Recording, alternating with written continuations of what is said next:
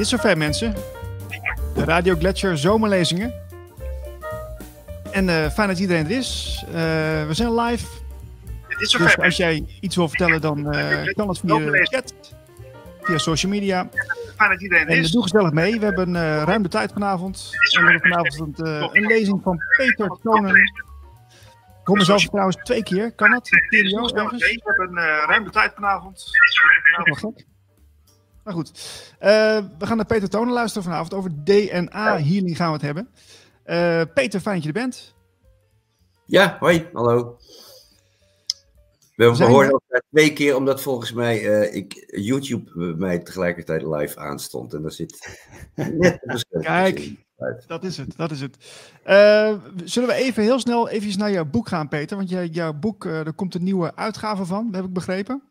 Zullen we mhm. die even laten zien? Want dat is misschien wel leuk voor de mensen die uh, geïnteresseerd zijn. Opgesloten in de piramide. Uh, wanneer is die eh, te, ver, te, te verkrijgen? Ik, wij, ik hoop uh, binnen, binnen een week, maar het kan ook twee weken zijn. Ik heb begrepen dat er papierschaarste heerst. dus je moet, je moet afwachten, maar ik, ik, hoop wel dat ik hem snel heb.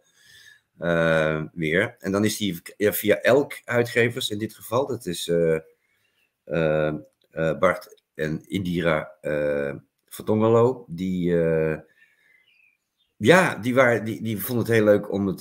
Ik heb hem zelf uitgegeven in 2018. Dat, dat had een, een, een, reden, want ik was ineens mijn uitgever kwijt. Ik moest snel iets verzinnen. Ben ik zelf een website en een uitgeverij begonnen. Maar ik merkte na, nou, bijna vier jaar is het nu uit, dat ik, ja, ik ben met zoveel dingen tegelijk bezig ik wilde niet ook nog een keer ook nog uitgever blijven. Ehm, en ja, en Bart vond het gewoon een hartstikke goed boek. Die was er trots op dat hij het uit mocht geven. Nou, ik blij, hij blij. Ehm, het, is, uh, het komt met een nieuwe cover. Ik heb met, uh, dat is de cover die je nu ziet. Mm min of meer.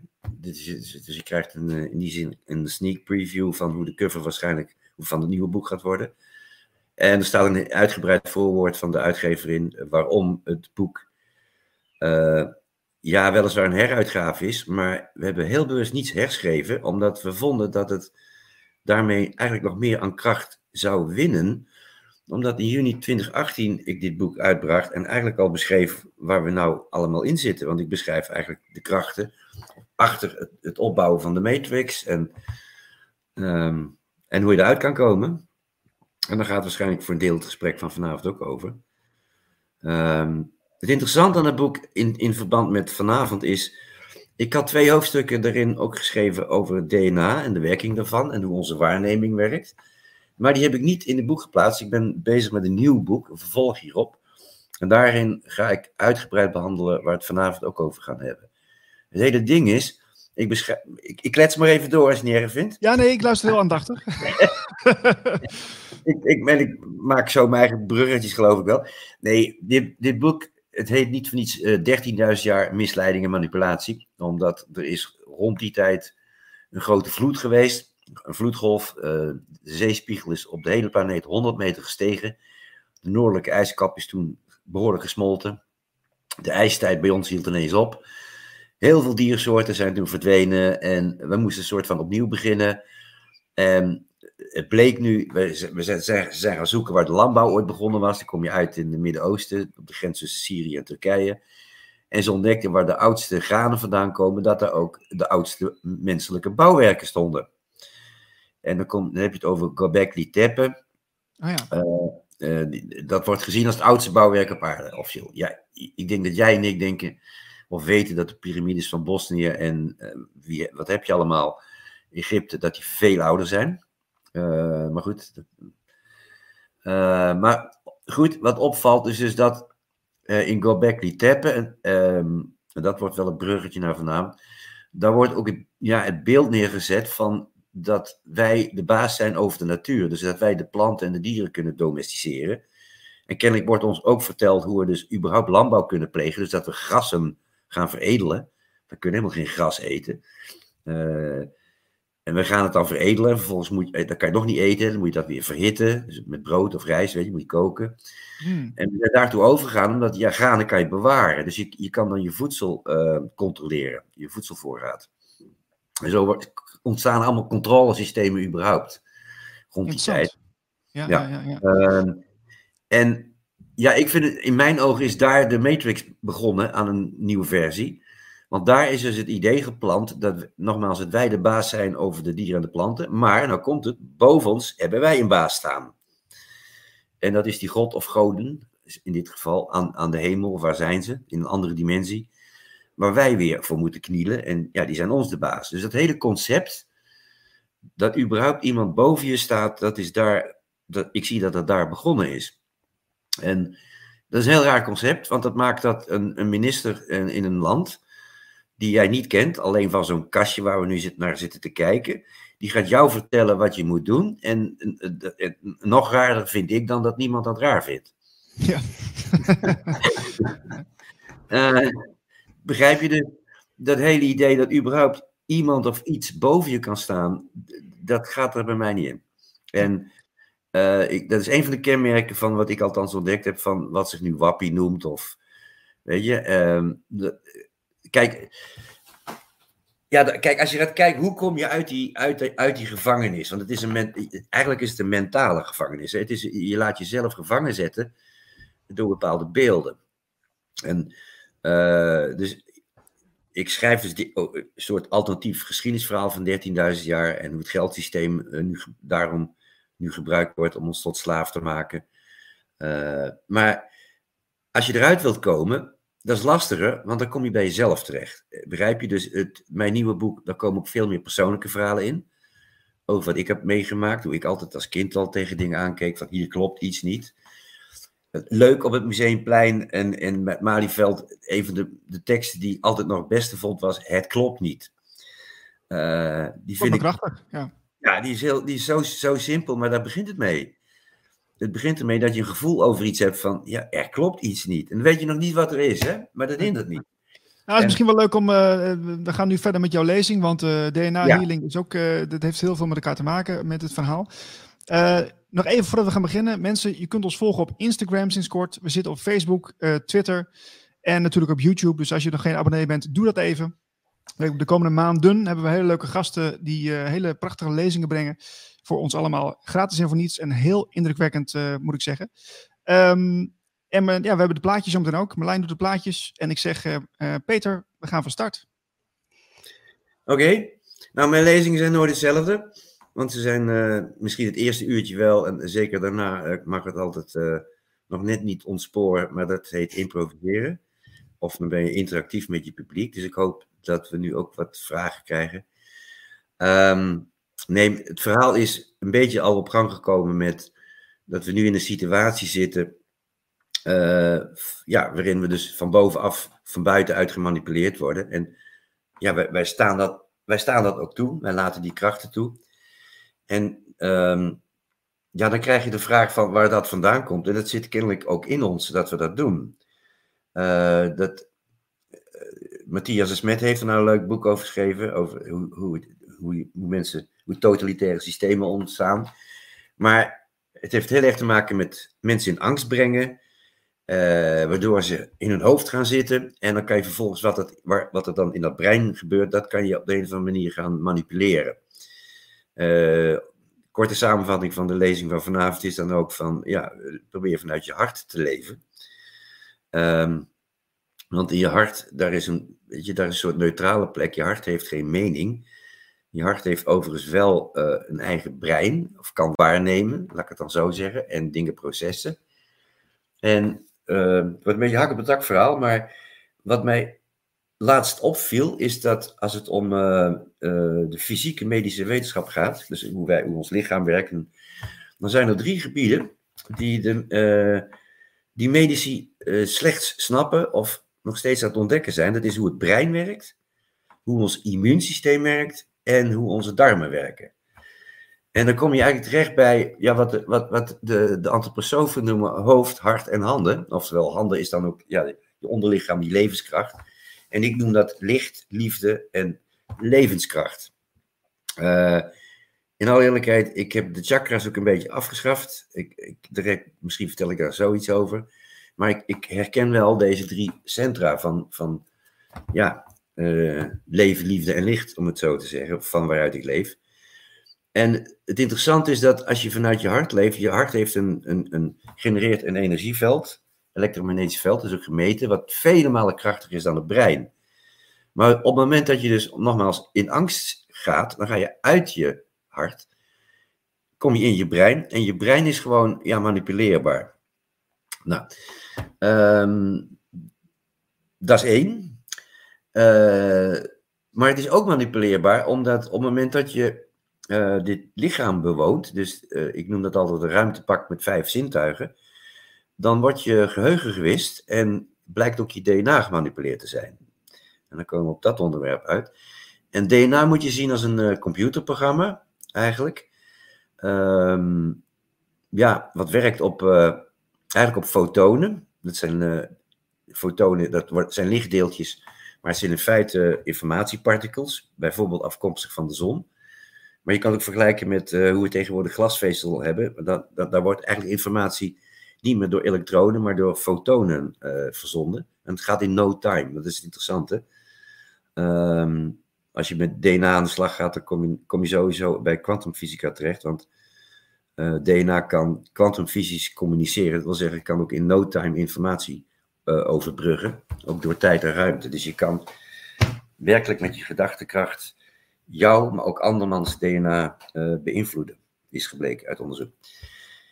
Een beetje hak op het dak verhaal, maar um, ja, ik, ik, ga geen cursus geven over hoe, hoe je DNA kan healen. Daar, daar kan je voor inschrijven bij mij. Dan moet je op Facebook kijken, want ik moet een nieuwe website bouwen.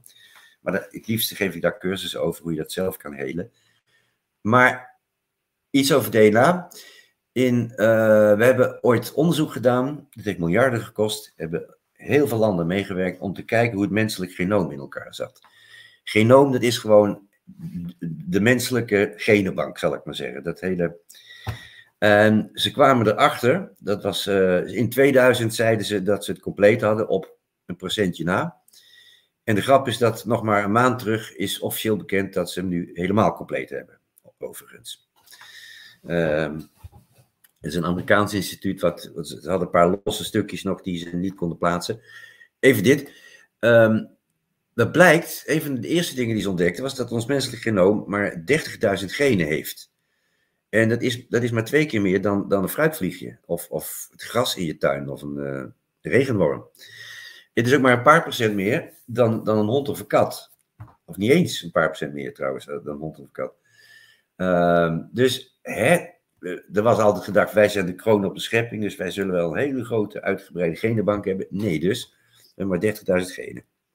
Waarvan ook maar 5% actief zichtbaar uh, iets doet, dus verantwoordelijk is voor de, voor de opdrachten, of verantwoordelijk is voor de eiwitproductie, dus dat de, de cellen worden aangemaakt. Want dat is wat in DNA in principe besloten ligt. DNA is een computerprogramma waarin besloten ligt hoe een soort zichzelf kan uh, reproduceren en ook zichzelf waarneemt. Dat komt, dat, die definitie kun je bij mij betreft toepassen op alle vormen van DNA. Een, hond of een kat uh, neemt zichzelf anders waar dan wij. Dat zit ook in dat programma. Heeft, uh, dat, ja, heeft dus met een soort bewustzijn ook te maken. Waar, waar ze toen achter kwamen was dat wij maar 30.000 genen hadden. En dan, ja, dan krijg je een hele tijd niks. Octopussen, die hebben er ook meer dan wij. Daar, de, ik heb artikelen gelezen waarin de vraag wordt gesteld uh, of octopussen toevallig niet buitenaards zijn. Want ze kunnen hun eigen DNA ook manipuleren. Maar goed, laat het even zo. Boeiender is om te weten dat uh, de wezens met de grootste genenbank, dat dat de planten zijn. En dan met name de geneeskrachtige planten. Die hebben 60.000 genen. En ja, dan moet ik iets bekennen wat ik in mijn boek ook ga schrijven. Ik heb deze informatie van de wezens van de planten. Want ik heb, ik, kijk, ik ben gaan studeren om niet voor gek verklaard te worden. Dus ik probeer alles te onderbouwen. Wat ik zeg. En ook met referenties aan te geven, zodat je het zelf kan opzoeken. Maar mijn inspiratie, mag, zo mag je het ook noemen, of mijn inzichten komen via mijn contact met plantenwezens. En dan heb ik het niet alleen uh, de plantenwezens van ayahuasca, dus de, dat soort planten, maar ook gewoon überhaupt uit soort velden van plantenwezens die mij informatie hebben gegeven. En die vertelde onder meer dat. Uh, ja, die legde ook uit, al nog voordat ik wist over die genenbanken, want ik, wist, ik heb het over informatie die ik al meer dan twintig jaar had. ehm, die lieten mij zien hoe DNA werkt en, en eh, dat zij eh, eigenlijk over de grootste genenbank beschikken, ook omdat ze hier al het langst zijn. En de planten zeggen ook van, ja, wij, wij hebben eigenlijk alle informatie die jullie nodig hebben, zowel geestelijk als lichamelijk. En willen graag met jullie samenwerken.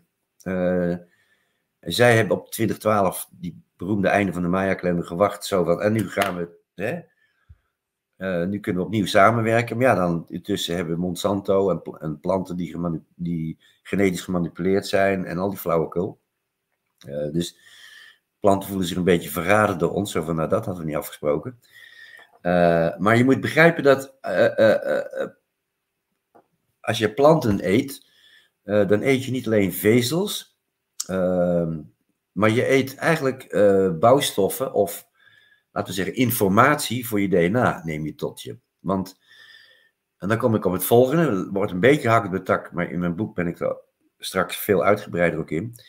Uh, we zitten in een tijd waarin we updates krijgen. Dat hele 2012 verhaal uh, heeft alles te maken met onze positie ten opzichte van het hart van de Melkweg. En de Melkwegstelsel, dat is een stelsel met honderden miljarden sterren die als een nevel ronddraait. Um, waar onze zon slechts één van de honderden miljarden sterren is. Met zijn planeten en zijn manen enzovoort. Um, en melkwegstelsels die uh, doen niets liever dan overal in zichzelf leven creëren. En die wemelen dus van DNA. Dan moet je nu weer snappen dat uh, als ik aan DNA denk, dan weet ik dat dat niet alleen fysiek DNA is, maar gewoon in de ruimte waarin jij nu zit te kijken. Dit is een DNA-cel daar vliegt DNA vliegt op dit moment gewoon hier door de ruimte, door je eigen huiskamer of waar je ook zit. En DNA, kijk, als je hier de cel ingaat, een, een menselijke cel, nou, een menselijke cel, dat ziet er niet altijd netjes uit als een, als een ei of een bol. Het ziet er soms meer uit als een uh, al dan niet mislukte oliebol qua vorm. En daar heb je de, vervolgens heb je het celmembraan, de celwand, dan ga je naar binnen, krijg je celwater, cytoplasma, dat drijft van alles in rond, maar uiteindelijk kom je in de celkern terecht. En in die celkern, daar zitten die chromosomen. Dat zijn die, lijken wel soort poppetjes uh, zonder hoofdje, dus alleen armpjes en beentjes. En daar zitten op eiwittabletten draadjes omheen gedraaid, zoals je dat met een ouderwetse telefoondraad hebt.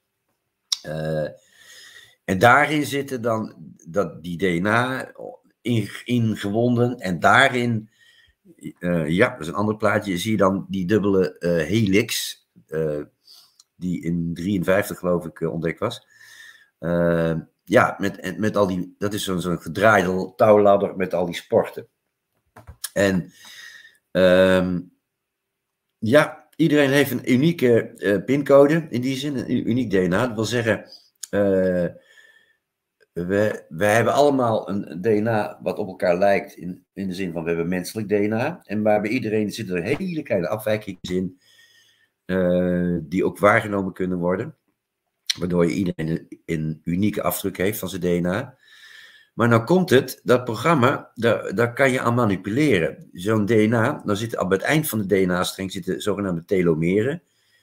Um, en die bepalen dus uh, daar, ja, hoe, hoe die, die streng zich weer kan, kan vermenigvuldigen. Via RNA krijg je dan, wordt de DNA als het ware doorgedeeld. Dus uh, doorgegeven als het ware. En als je ouder wordt, kunnen die telomeren kapot gaan. Dat kun je zien als een soort ja, oh ja, schoenveters. Waar de, als, je, als je schoenveters hebt, zit er vaak een dopje op op het eind. Als het dopje eraf is, dan gaat de veter raffelen. Nou, zo kan je dat met die DNA ook zien. Uh, dan gaat die raffelen. Er kunnen ook sporten ontbreken. Er kan, weet je, daar kan van alles aan kapot zijn uh, ook. Je krijgt het mee van je ouders. je hebt DNA van je vader en je moeder. Um, en ja, daarmee krijg je ook emotie, niet alleen fysiek informatie mee, dus wat voor kleur ogen je hebt, whatever. Maar ook emotioneel krijg je informatie mee. En het gaat, het gaat dus heel erg door van, uit voorouderlijke lijnen. Nou, daarmee krijg je niet alleen een menselijk lichaam, maar je krijgt, ja, ik, ik maak wel eens het grapje, hij is niet van mij, maar uh, ouders zijn het ergste wat een kind kan overkomen, want uh, je krijgt alles mee ook van je ouders. Dus ook hun, hun, hun, al dan niet verwerkte emoties en hun kracht. Je mag er allemaal mee, mee werken. En, maar dit, het zijn computerprogramma's die je kan bijstellen. En die ook gemanipuleerd worden, want DNA is gevoelig voor licht en geluid. Voor trilling, voor frequenties. nou, zo is DNA ook gevoelig voor toxines, dus voor vergiftiging. Maar die toxines, dat kunnen ook schadelijke stralingen zijn, zoals van 5G of wifi of wat van chemtrails komt, zware metalen, als wat je, ja, wat zich dan, waar je lichaam geen raad mee weet. Nano uh, deeltjes kunnen erin gaan zitten, tussen gaan zitten. En dan is het gewoon, uh, dan kan het vernacheld worden, om het zo te zeggen. En wat ze tegenwoordig doen met, uh, ja, hoe zeg je dat? Ja, met die prik die, we, die sommige, of sommige, die heel veel mensen gehad hebben tegen het COVID-19-virus. Uh, dat gaat dan ook het, DNA-programma bijstellen. Waarbij, maar, waarbij de vraag maar is uh, in hoeverre dat weer niet een eigen leven gaat leiden. Uh, want ik zei net al, een van de dingen die we het minst nog van ons lichaam snappen, is hoe het immuunsysteem werkt. Het immuunsysteem heeft een directe relatie tot het hart. Het hartcentrum, daar zit ook, heet het, de, de, de, de thymusklier, een heel klein echtje. Ehm, wat van daaruit uh, wat in het centraal zenuwstelsel zit, dus wat uh, signalen opvangt en ook weer doorgeeft naar de organen. um, en zeg je dat, het immuunsysteem is een heel complex uh, systeem. Maar wat heel gevoelig is voor, voor wat jij letterlijk en figuurlijk in, dus aan informatie in jouw systeem toelaat. Uh, dus ik doe in mijn uh, workshops ook oefeningen om jezelf energetisch te beschermen. kijk, als jouw lichaam van niks weet en het krijgt gifstoffen tot zich, of foute trillingen of foute gedachten, dan gaat het dat aannemen en dan gaat dat zich in je lichaam, in je systeem nestelen. Maar jij kan als het ware je lichaam ook vertellen van, hé hey, lieverd, het komt wel binnen, maar laat maar gaan weer, want we kunnen hier niks mee. Dat is wat je uh, ik, maak even, ik zeg het nu metaforisch, maar je kan het ook heel letterlijk zo met je lichaam omgaan. Komen op hak op de tak. Ja, dat is het. Het energetisch veld van het hart is vele malen, duizenden malen krachtiger dan van, het, van ons brein. En uh, boeiend is dat ja, er lopen wel zenuwbanen van het hart naar het brein, maar niet terug. Met andere woorden, het, het, is het, het is het hart, het is je gevoel wat eigenlijk je brein aanstuurt. En, maar dan moet je wel in je hart zijn. En dan moet je dus van jezelf, ja, dat kan je heel in je hart zijn, dat, nou goed, daar kan je van alles bij bedenken. um, in je hart zijn is het gewoon voor jezelf opkomen, uh, je passie leven, zelfvertrouwen hebben, eigenlijk allerlei kwaliteiten van, van liefde, uh, dankbaarheid. Als, dat, als je dat kan, daarin kan zijn, dat kan waarnemen, uh, dan bepaalt het ook de stofjes die in je brein worden aangemaakt. En die sturen weer de organen in je lichaam aan. Uh, dus het is niet onbelangrijk um, ja, om in je hart te zijn en hoe je in je hart bent. En in, in, zekere zin is je hart een neutrale plek.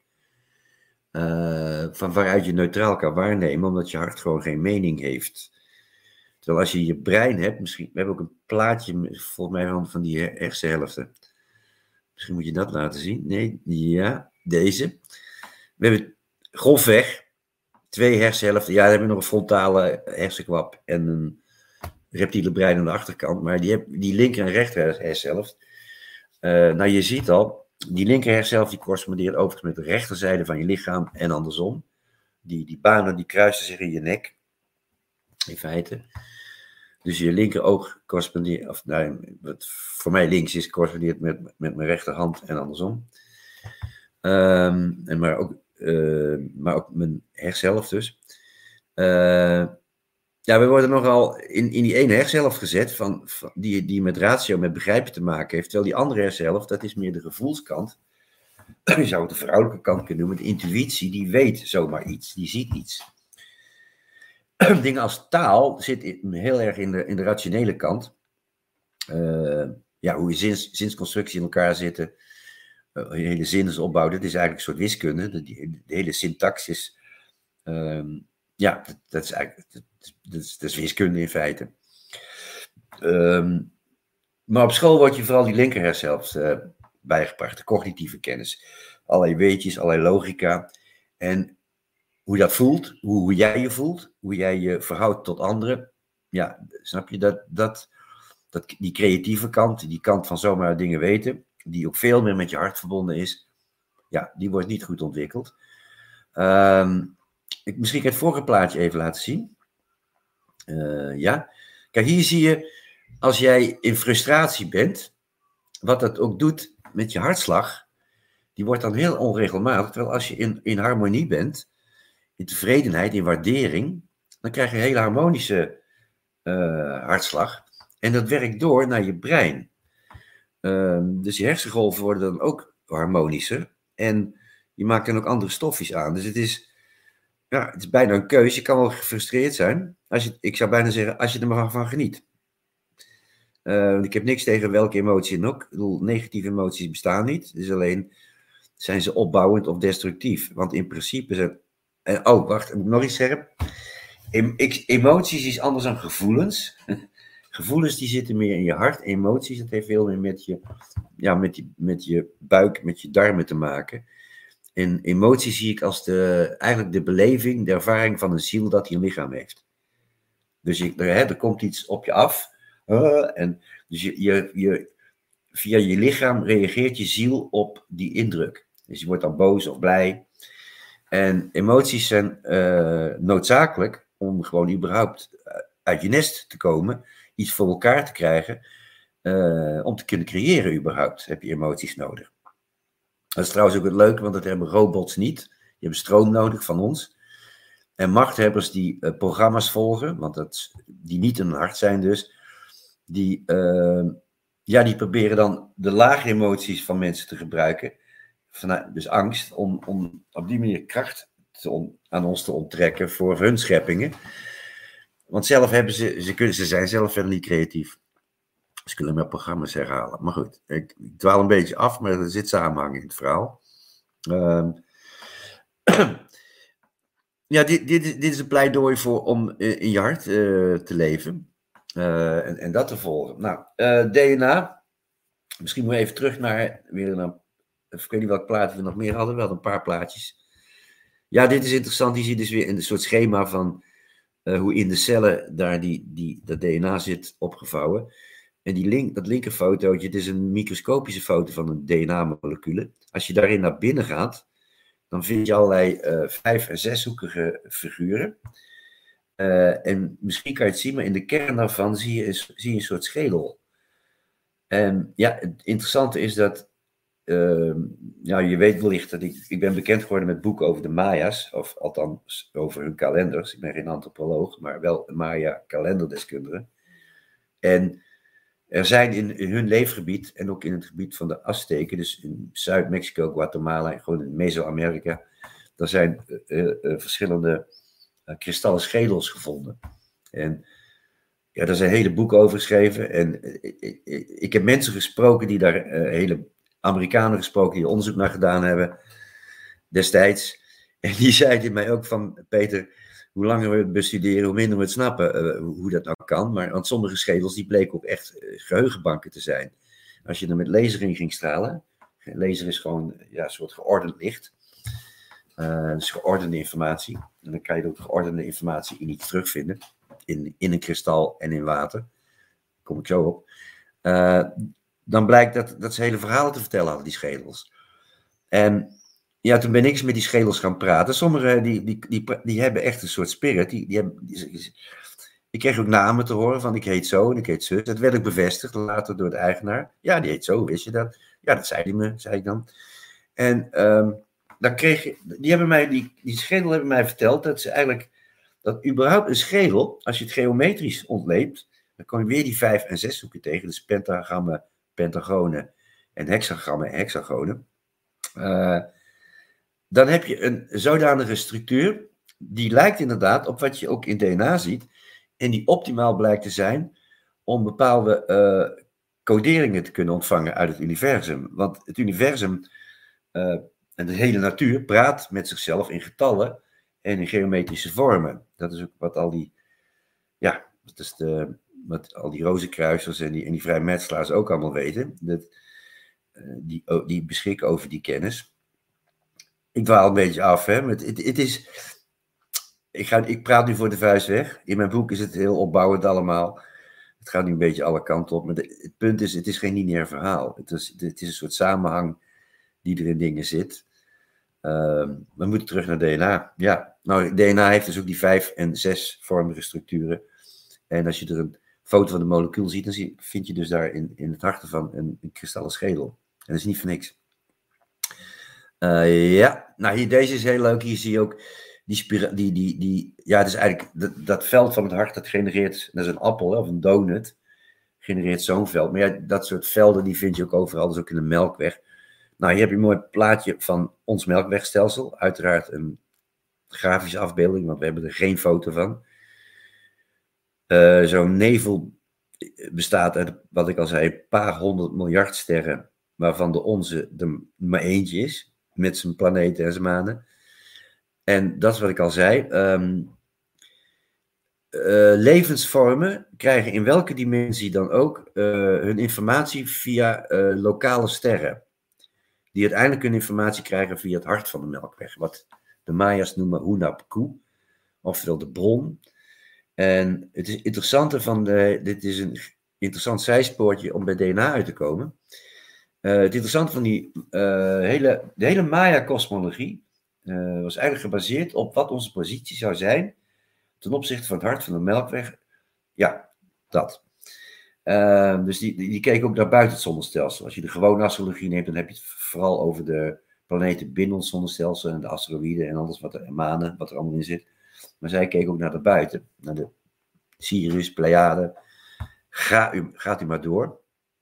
Uh, en ja, zij ontdekten, dus zij wisten, waren dus ook op de hoogte van de precessie. Dat is die, die wiebel van 25.960 jaar, afgerond 26.000 jaar.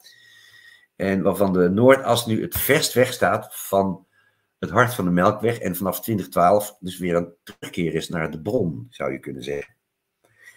Dat wordt ook waargenomen. Vanaf eind jaren 90 uh, het begon met berichten, eerst van de Russen, daarna pas de NASA, maar dat is een ander verhaal om de NASA altijd erachteraan. De NASA komt nooit met verhalen als ze niet meteen een verklaring hebben of het kunnen controleren.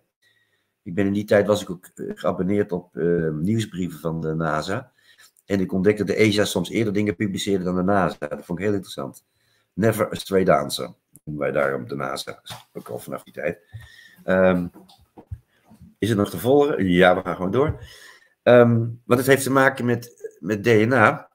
Ehm, wat er gebeurt, is dat uh, er kwamen toen berichten. De, de NASA noemde het als volgt. Uh, ik moet het even opzoeken in mijn oude artikelen. Maar die hadden het over dat het lijkt wel of het hart van de melkweg hyperactief geworden is. Want er komt ineens hooggeladen gammastraling op ons af. En nog maar onlangs, nog maar een maand geleden, is echt officieel vastgesteld dat, dat er een krachtbron is, in het, van ons uit gezien, achter, het, achter Sagittarius A, is een ster in boogschutter. En dat kom je precies uit bij het hart van de Melkweg. En dat is het krachtigste radiobron van de hele Melkweg, is daar te vinden. En als je nog verder gaat, kom je in een zwart gat terecht. Het grootste zwart uh, gat wat we hebben in onze Melkweg. Dus het hart van de Melkweg. Maar je moet je voorstellen, het is een, het is draaikolk. Je kan je altijd afvragen, uh, ja, verdwijnt alles in die draaikolk? Of je kan zeggen, hey, nee, dat komt alles uit voort. Dat is wat de Maya zeggen. En wij hebben dus nu een bepaalde positie ten opzichte van het hart van de Melkweg, waardoor we nieuwe, nieuwe informatie krijgen. Vanaf eind jaren 90. Wordt ook je had eind jaren 90 ook de film The Matrix, je had ook uh, The Truman Show. Uh, dus er kwamen ook allerlei onthullingen over, hey, eh, dit is niet de echte werkelijkheid. Um, volgens de wingmakers die ik volg, kwamen er letterlijk gaten in de Matrix vanaf dat moment. Lang verhaal kort, we krijgen dus op dit moment updates. Dat leidt ertoe dat, uh, ja, hoe zeg je dat? Dat leidt ook tot onrust klimatologisch in alle planeten. We, ja, uh, het aantal stormen, aardbevingen neemt toe. Terwijl, uh, maar dat gebeurt, dat gebeurt ook op Jupiter en op Mars. Uh, op Mars smelt de, de, noordelijke ijskap op dit moment net zo hard als die van de aarde. Dus hey, er is echt iets anders aan de hand. Ze hebben volgens mij geen, geen auto's daar op, op Mars. Tenminste, niet die, die, uh, die dingen die wij hier hebben. Ja, we hebben een milieuprobleem, maar het klimaat, dat, dat, tien jaar geleden had niemand het erover. Hè? Toen was het nog allemaal milieuproblemen en ecoproblemen. En nu nou is het ineens het klimaat. Heerlijk vaag, net als terrorisme, maar je kan er niks mee. Uh, goed. Ja, het klimaat aan het veranderen. Maar hey, dat, dat doet hij altijd in grote tijdscycli. Van, maar dan hebben we het over vele duizenden jaren en zelfs miljoenen jaren. Als je daar de schema's van ziet, dan zitten we gewoon dan gaan we niet naar een warmere periode, by the way. We, zitten aan de vooravond van een koude periode. En bekend is dat dan altijd eerst even een soort hitte komt en dan poef. Dan gaan we, we, gaan, we gaan helemaal niet naar een warmere periode. Die global warming is helemaal flauwekul verhaal. Het wordt gewoon kouder. Let maar op, de komende tien jaar. En gooi daar nog even die leuke gasprijzen tegenaan en uh, dat wordt nog lachen. Maar goed, ander verhaal. Allemaal nodig misschien om ons bewustzijn te verhogen. Want uh, we krijgen updates van uh, Vader Zon. Van, en dus vanuit de bron, het hart van de Melkweg. De Maya's zeggen, ah, ah, mocht God ergens wonen in, in het universum, in ons stuk van het universum, want er zijn ook honderden miljarden melkwegen, dan is dat in het hart van de Melkweg. Daar komt alles uit voort. Daar hebben we een ander contact mee, dus we krijgen updates. Maar dan komt het, dan moet je DNA wel goed kunnen functioneren. A en B, je moet ze willen ontvangen. Het is een soort verhaal van de red pill en de blue pill. En zoals ik het waarneem, zijn steeds meer mensen die die updates ontvangen. Punt is, als je de updates ontvangt, dan kan je dus meer achter deze werkelijkheid kijken. Dan zie je dus dat we in een illusie zitten, dat het een raar spel is, dat de werkelijkheid, dus, of, of laten we zeggen onze perceptie op de werkelijkheid, gemanipuleerd wordt. En er zijn mensen die zijn op de een of andere manier wakker. Het heeft niets met je afkomst te maken, niet met ras, met gender, met whatever. Uh, want het zit door alle families en rassen en standen heen, en kleuren en geuren. Uh, zijn er mensen die op de een of andere manier zeggen van er klopt iets niet. En dat heeft heel veel met je, ja, met je DNA te maken. En ja, als je daar eenmaal in gaat, dan kom je, achter steeds, steeds, kom je er steeds meer achter dat we dus ja, in de gemanipuleerde leugen zitten. Nou ja, daar, daar ging heel erg mijn afgelopen boek over, wat ik zeer aanraad, want daar beschrijf ik ook hoe in de oude boek ook verteld wordt hoe uh, ja, deze werkelijkheid gecreëerd is uit de schaduw van een echte werkelijkheid. En hoe uh, niet de argonten, dus de boze krachten die ons manipuleren, die robotachtige krachten, maar juist wij de goddelijke uh, creatiekracht hebben. En dat dat het dat we worden achter allerlei dingen worden ons ontnomen. Er zijn heel veel geheimen achter schermen. In feite is er maar één groot geheim waar we van afgehouden wil, moeten worden door de machthebbers. Namelijk dat wij de grote zijn en niet zij. Uh, en we onderschatten daarin echt onze creatiekracht. Nou, ik heb er vertrouwen in dat we het knapste stukje technologie wat we hebben, dat het ons lichaam is. En dat we daar opnieuw mee kunnen praten. En dan dus dat we ook het computerprogramma kunnen bijstellen. Er komt bij dat onze lichamen die zijn uh, samengesteld door wezens die ook over UFO-technologie beschikken. Dus dan heb je het over voertuigen die geen interface hebben. Alle, bij alle uh, uh, onderschepte, ja, hoe zeg je dat? Het heet toch geen UFO's meer? Het heet nu UPA's. Ik ben even kwijt. Anyway, bij al die buitenaardse toestellen er zit geen stuur in of zo. Hè? Dat, ze werken op, op gedachtekracht. Maar ja, dan moet je wel dus je gedachten een beetje kunnen beheersen. Dus je moet wel een bepaalde mate van bewustzijn hebben. Uh, je gaat ook een kind van vier geen uh, auto laten rijden. En, maar daar zitten we nou een beetje.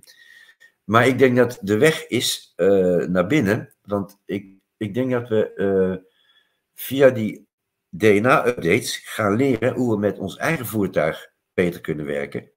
En dus met vermogens kunnen werken die, die we nu extern hebben, zoals uh, dat we weer met telepathie kunnen werken, met zelfgenezend vermogen kunnen werken. Uh, dus snap je dat we dus niet meer afhankelijk zijn van externe chemische of elektronische middelen om te kunnen communiceren met onszelf en met elkaar. En of om te kunnen ontwikkelen. Uh, en als we dat doorhebben, dan wordt ook de technologie die extern is, wordt dan automatisch een heel andere vorm van extensie van wie wij zijn. Want je kan de uiterlijke technologie uh, niet wegdenken. Die, dat pad hebben we nou eenmaal gekozen. Uh, maar we zijn er niet de baas over. Dat zijn anderen boven ons, als het ware. Dat, zijn, dat is Big Tech en Big Pharma. Die, die sturen de boel nu aan. Uh, dus het wordt tijd dat we onze eigen tech en onze eigen pharma in, in bezit gaan nemen. Die, die, die we gewoon met, bij onze geboorte mee hebben gekregen. Uh, niks ten kwade van uh, mechanistische reparaties aan lichamen. Uh, als ik van de trap val en mijn knie breek, dan kunnen ze dat in een ziekenhuis heel goed repareren. Maar ik ben degene die kan zorgen dat het genezingsproces vervolgens versnelt. Daar ben ik echt van overtuigd, daar heb ik ook ervaring mee.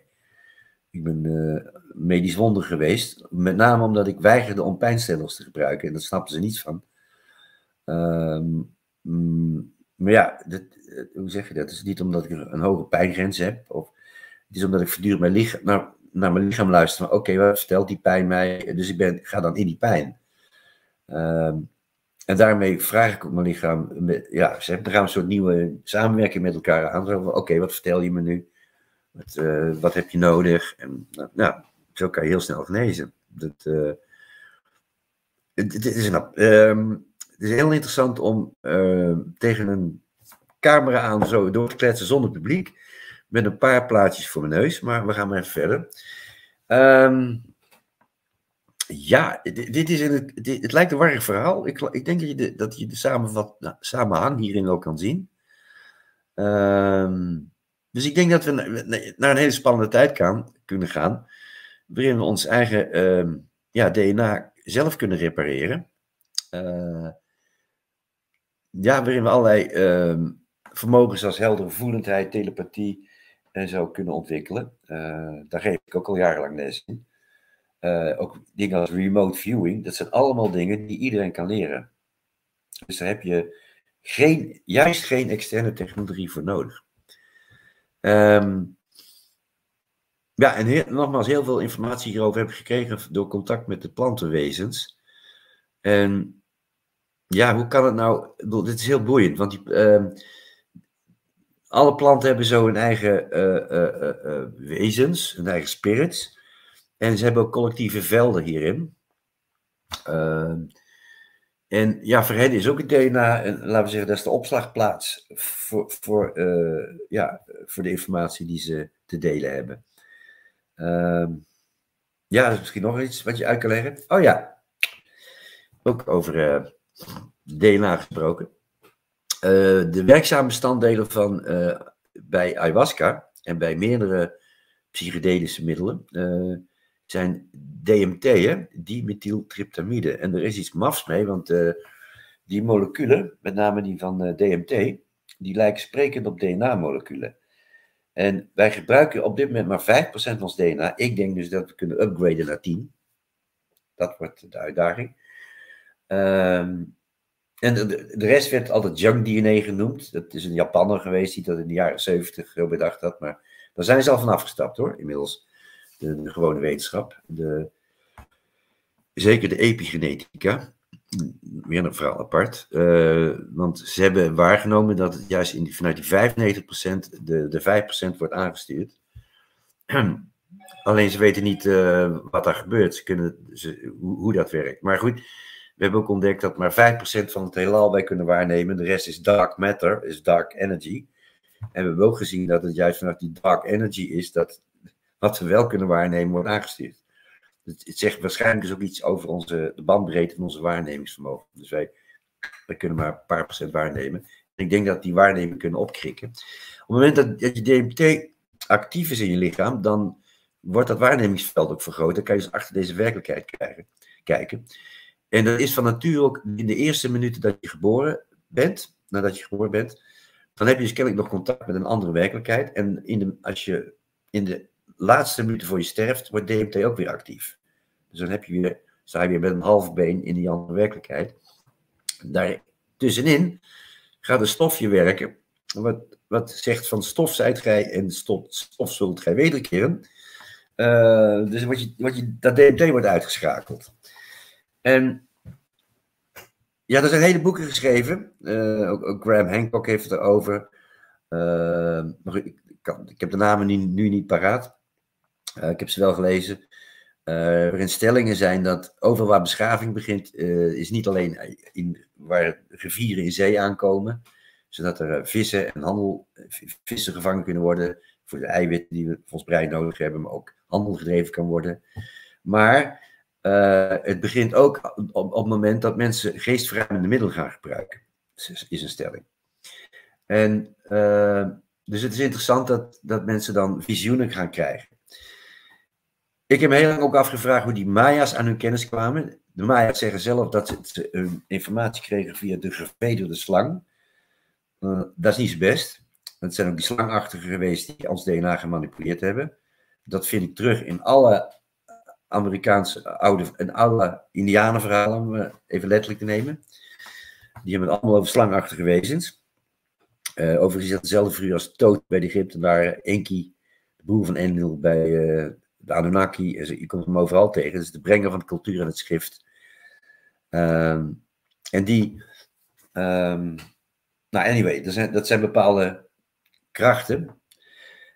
Als jij steden ziet van, uh, van de Maya's, en, uh, of, en met Maya-tempels, uh, hoe groot een tempel ook is, als die maar 5 meter hoog is of 50 meter hoog, die bestaan niet, 20 meter, 30 meter toch wel. de, op iedere Maya-tempel staat een huisje. En echt zonder uitzondering. En op een gegeven moment, uh, wat er gebeurde, is dat die priesters, die gingen dan in zo'n huisje zitten. En die gingen dan al dan niet uh, geestverruimende middelen gebruiken. Gingen vasten, uh, dagen, weken lang. En dan kregen ze contact met de goden. En dan kwamen ze weer naar beneden en werd dat opgeschreven. Zo kwamen ze aan de informatie. Dus het heeft wel degelijk ook te maken met dat je, je, dat je via DNA in een andere staat kunt komen. Als je de, die vermogens aanspreekt. En er zijn planten die de stofjes bezitten die dat in je DNA kunnen prikkelen. Maar dan komt het, dit, dit is alleen maar de chemische verklaring. En dan zou je kunnen zeggen van, je zou zelfs deze bewustzijn biologisch kunnen koppelen, dus de mate van bewustzijn van een soort zou je kunnen koppelen aan een DNA. Door gewoon de vraag te stellen van, nou dat, hoeveel procent van het DNA is, is actief? En dan kan je er ook achter komen dat planten misschien wel een hoger bewustzijn hebben dan wij. Maar het zit hem niet zozeer in het DNA alleen. En niet alleen dat zij meer uh, grotere genenbank hebben. Het zit hem ook, daar gaan we in die spirits van de planten. En uh, ik heb bij ayahuasca, uh, waar ik 18 jaar geleden verschillende malen mee gewerkt heb, ook gemerkt dat die spirits, die konden er ook zijn als ik geen ayahuasca gebruikt had. En ik heb ook meegemaakt dat ik in aanwezigheid van mensen ook met die spirits kon gaan praten. En met, kon ze ook vragen stellen voor, voor, de, voor het publiek of voor vrienden. Uh, dus het zit hem echt in die spirits, die ons helpen te herinneren aan onze galactische afkomst. Zo, zo ervaar ik het althans een beetje. Um, ja, nou ja, dit is eigenlijk een beetje een, een, een, een, een korte samenvatting. Uh, ik kan nu allerlei kanten op. Um, ik zie nu de, even kijken, iets van 50 minuten te, te kletsen. We kunnen misschien wat, wat vragen beantwoorden. Ik, ik ga er nogal snel doorheen misschien nu. Uh, en ik vind het lekkerder om... Eh, wat, ja, hadden we nog plaatjes die we moeten laten zien? Nee, we hebben geen, uh, geen plaatjes meer. Ja? Uh, ik heb wel een, uh, een oude vraag voor je. Want uh, ja? je hebt natuurlijk bij ons vorig jaar ook ben je geweest. Ja. Daar kregen wij een vraag op van iemand. En ik zal hem even kijken of ik hem erbij kan halen. Ja. Dat is deze.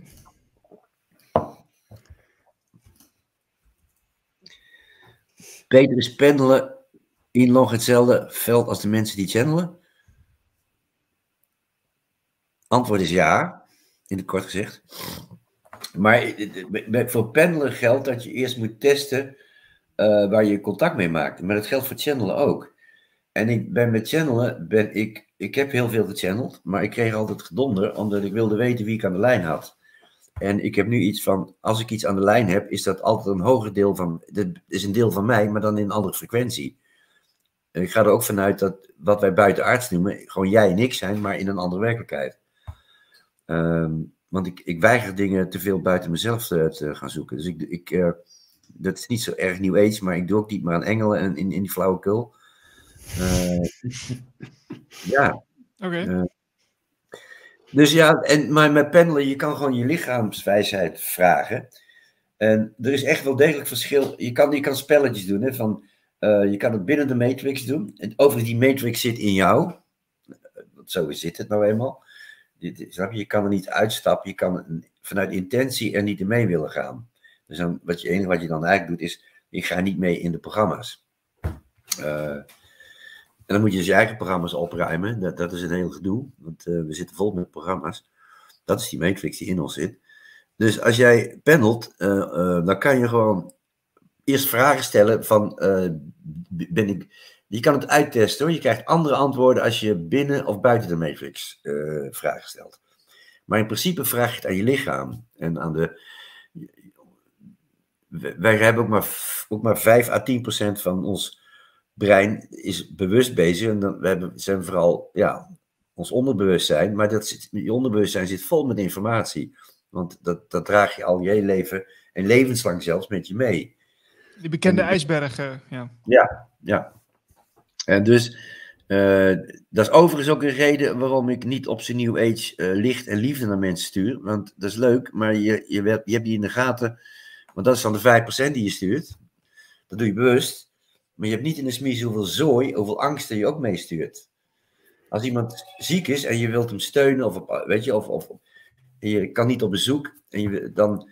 Uh, ja, dat is wat met bidden gebeurt. Maar wat je het beste kan doen, is eigenlijk je hart openen en zeggen, letterlijk en figuurlijk, ik neem je waar. Ik zie je. En je wil niet weten wat dat al voor een ziel doet. Weet je, uh, en, maar licht sturen, dat klinkt leuk, maar je hebt niet, dan ben je aan het manipuleren.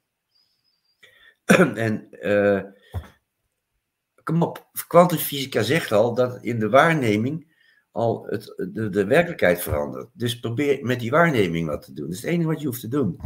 Dus als jij in een, in een, uh, in een soort neutrale en misschien liefdevolle waarneming bent, dat je alleen maar uitstraalt vanuit je hart van ik zie je. Dus je gaat er niks van vinden. Van, oeh, ik hoop dat je. Wat, zo, als je gaat zeggen, ik, aan je licht gaat sturen naar iemand zo, en ik hoop dat je beter wordt. Ja, dan zend je dus ook de angst uit. Oeh, als je maar niet doodgaat, of als het maar niet dat, weet je dat. dat, dat. Oké, maar je, je, je hebt ook zoiets als intenties, hè? Ja. Ja, ja, maar intentie gaat vooraf aan, dat, aan het energiesturen. De truc is, en daar ben ik in mijn workshops heel erg mee bezig, dat kan ik hier heel moeilijk uitleggen, is dat ik, um, ik moet altijd, je moet altijd het punt vinden van, van, de, van de zuivere intentie. Uh, snap je dus? Want je brein gaat er altijd tussen zitten. En dan gaat je ego ertussen zitten. En je ego komt altijd aanzetten met iets wat hij al kent. Die, kan, die komt niet met iets nieuws. Die, die valt altijd terug op wat, wat hij herkent. Je moet, dus je moet altijd dat punt zien te vinden van die stilte. Van het niets vinden. Ja, wat, wat in alle ook Oosterse meditatietechnieken ook te vinden is, snap je? Of, maar ook wat ook kloosterlingen zochten. Je moet altijd die stilte vinden. Dat kan, daar hoef je niet meer voor jarenlang in de klooster te zitten hoor. Maar uh, hoe ik het doe is, uh, uh, al, ik probeer dat punt te vinden van, van de juiste intentie. En dan weet ik dat er een weet is en nu heb ik hem zuiver. En dan kan hij daarna ook over zijn.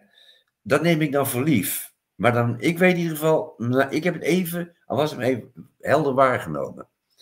En, en, dan, en dan komen die programma's wel weer.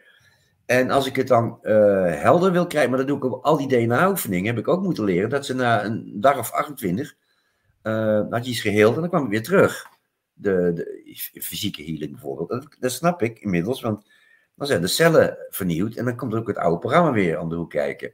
Dus je moet het ook vaak met herhaling doen. Dus dat zijn van die trucjes die ik ook heb moeten ontdekken. Dus je moet de juiste intentie vinden en je moet ja, herhalen. Uh, want dan wordt het een echte werkelijkheid, ook voor jou. Want dat is de kracht van herhaling die erbij komt. het ging niet, dat gaat niet meer over pendelen nu, hè, maar Nee, oké, maar het wel een beetje af. Dat maakt niet uit. Het is, uh, ja. ja. Um, ik, ik, heb zelf ook nog een vraag. Want ik ja. vond het wel opvallend, je had het over de zenuwbanen die lopen van het hart naar het brein. Ja. Uh, maar andersom niet.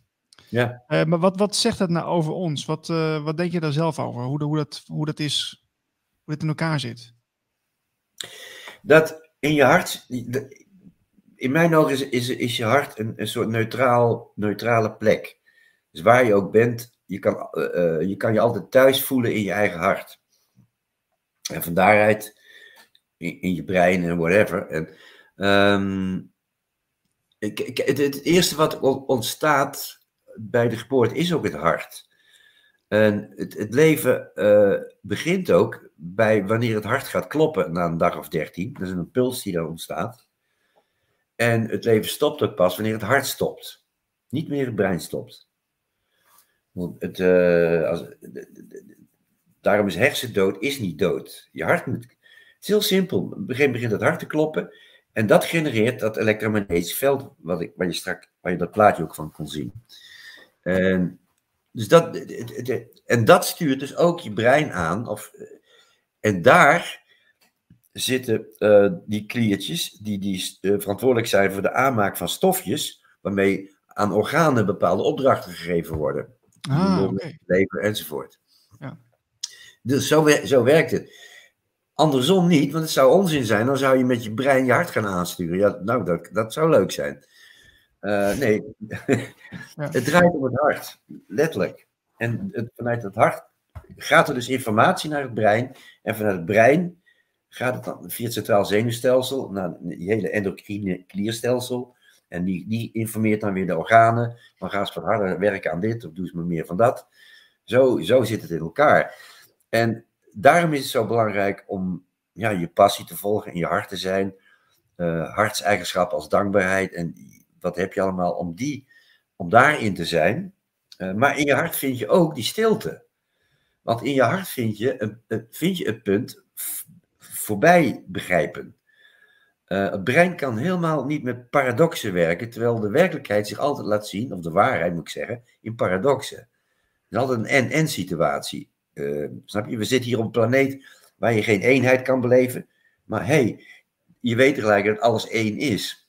Uh, je brein kan er niet bij. Ja, snap dit. Je ziet dat gewoon.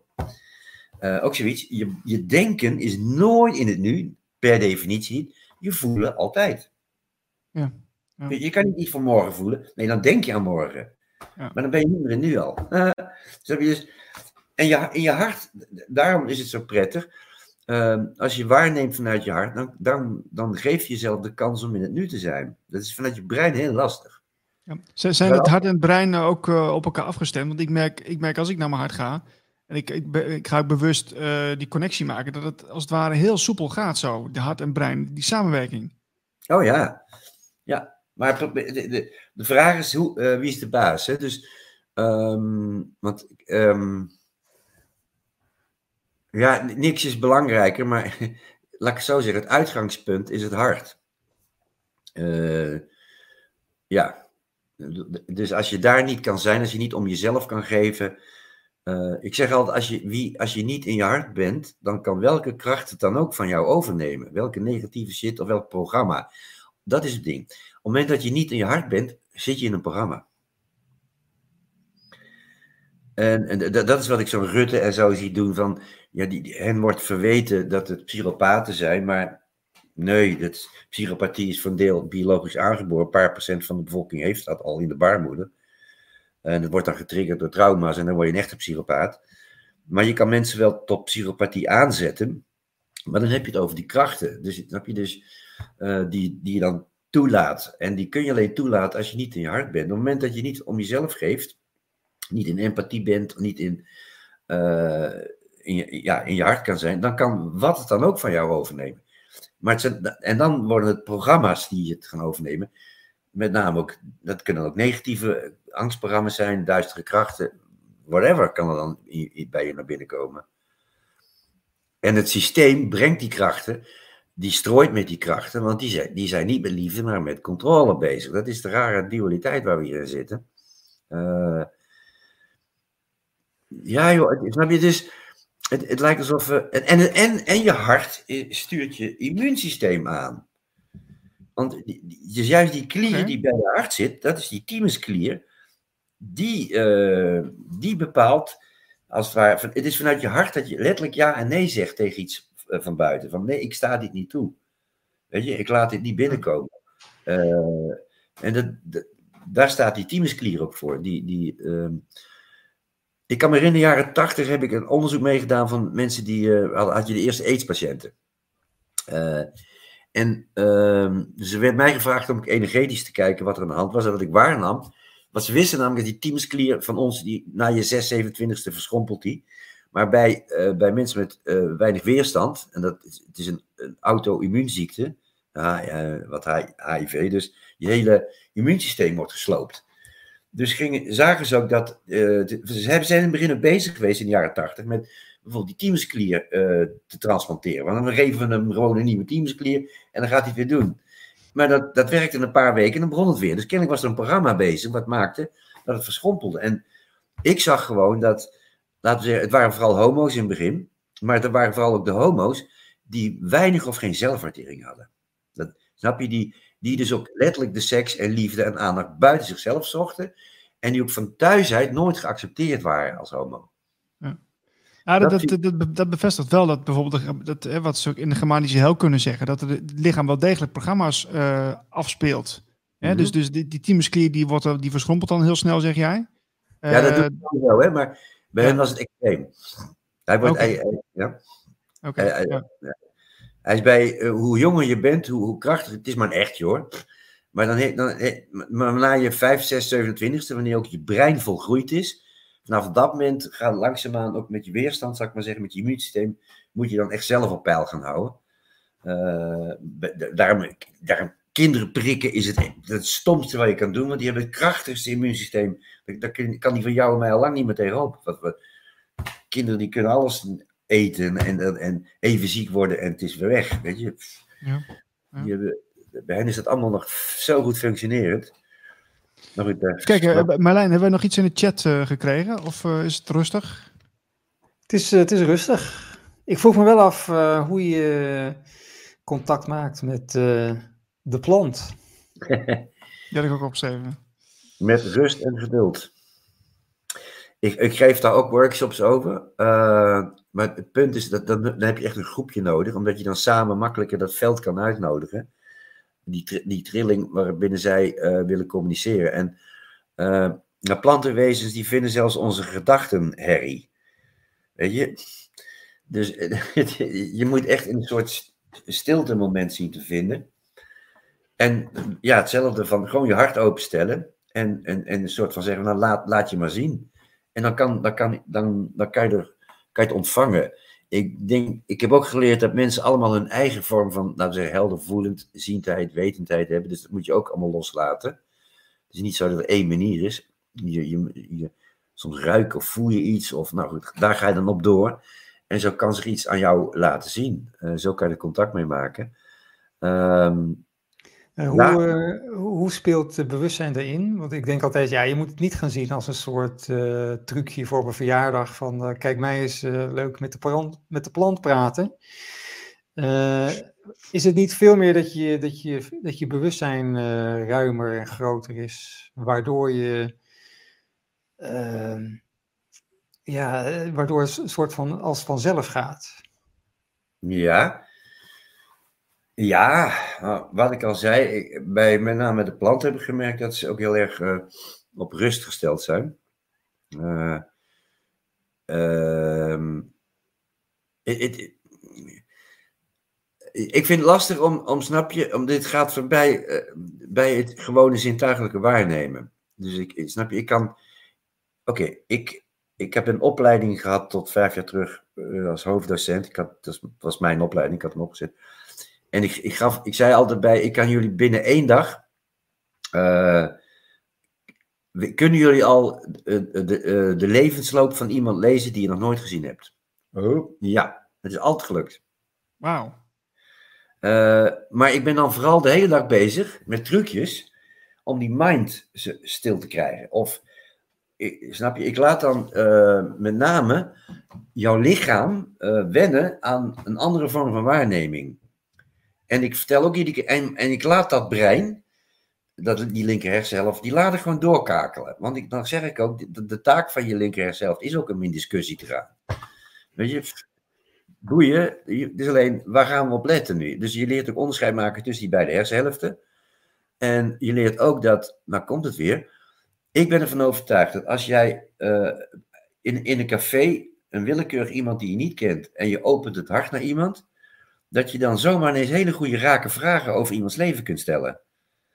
Uh, want, want healing, maar ook reading, heeft te maken met afstemmen, met resoneren.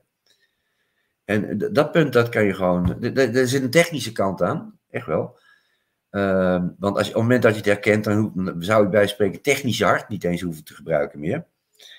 Eh, dan is het gewoon herkennen dat je hersengolven van beta naar alpha gaan zonder dat je ogen dicht hebt. En dat soort trucjes, die, snap je? Dus ik kan het allemaal heel technisch maken voor je. Eh, maar ik laat mensen dan vooral, ik breng ze langzaam naar die ervaring, waardoor je lichaam eh, het, het, het oké vindt. Van, oh ja, dat, ik kan ook zo kijken, ik kan ook zo waarnemen. Eh, en dan kan je, dan kan je ook in ja, dan kan je ook plantenwezens waarnemen. Of horen wat ze te zeggen. Nou, ik moet het ook inleiden hoor, met mensen. Ja, oké, maar in, eh, kun je die plantenwezen dan ook echt, echt, echt eh, zien of, werkt dat niet zo? Ja, in, nou, ik, ik ben meer van, van weten. En dan vraag ik ze om ze aan mij te laten zien. En dan heb ik, ik heb dan vooral iets met, eh, met een paar kabouters. En die zien er echt uit als van Rien Poortvliet. Die- die- echt- Ja, serieus? Oké. Dus dat is toch niet helemaal geromantiseerd in de Disney-wereld? Nee, nee, Het nee. nee, is niet- het is niet voor niks dat, dat, die, dat beeld van die kabouters, dat vind je, eh, ja, kijk, nee, dat vind je in heel veel culturen. Dat is niet raar. En het is, eh, dus het moet kennelijk een universeel beeld zijn. En Ja, ik vind is- het heel tof hoor. Ik, eh, ik, ik zou het heel, heel gaaf vinden als het mij zou lukken. Ja. ja, nee, kan. Dat Ko- bedoel Komt je- het niet allemaal neer op eh, dat, je, dat je allemaal dingen subtiel zeg maar, voelt? Zeg maar ook eh, mensen die helemaal eh, hier niet mee bezig zijn, die voelen soms ook wel eens iets eh, ja, heel subtiel op de achtergrond. Ja, Maar, het probleem is altijd dat we dan zeggen, ja, maar dat is eh, verbeelding of fantasie of eh, ja, ik zit even niet lekker in mijn vel, dus... eh, maar dat je, Ja, maar dat je juist, juist dat moet... eh, nee, ik, ik, ik, ik zeg altijd, eh, fantasie, dat, dat koopt je brein. Oké, vertel je brein maar dan dat het fantasie is. Ook goed. Maar dan heb ik namelijk hier de vraag van, oké, eh, waarom heb jij deze fantasie? Want je hebt, snap je dus, ehm, als, jij, als jouw brein het, het koopt als fantasie, of, maakt mij niet uit. Als ik daar je brein mee, kijk, je brein is een orgaan, dus je moet je iets te vreten geven. Doen alle organen, die moet die moet je verteren, processen. Dus oké, ik, ik verklap nou een van de trucjes. Ik ga, ik overdonder eerst mensen met heel veel info. Ik laat ze vervolgens dingen ervaren die, eh, waar ze niet bij kunnen. En langzaam kom je dan in een staat van, nou, dan kan je alles accepteren. Dus wat jij dan fantasie noemt, dat kon wel eens juist jouw vorm van waarneming zijn. eh, hoe dingen tot je komen.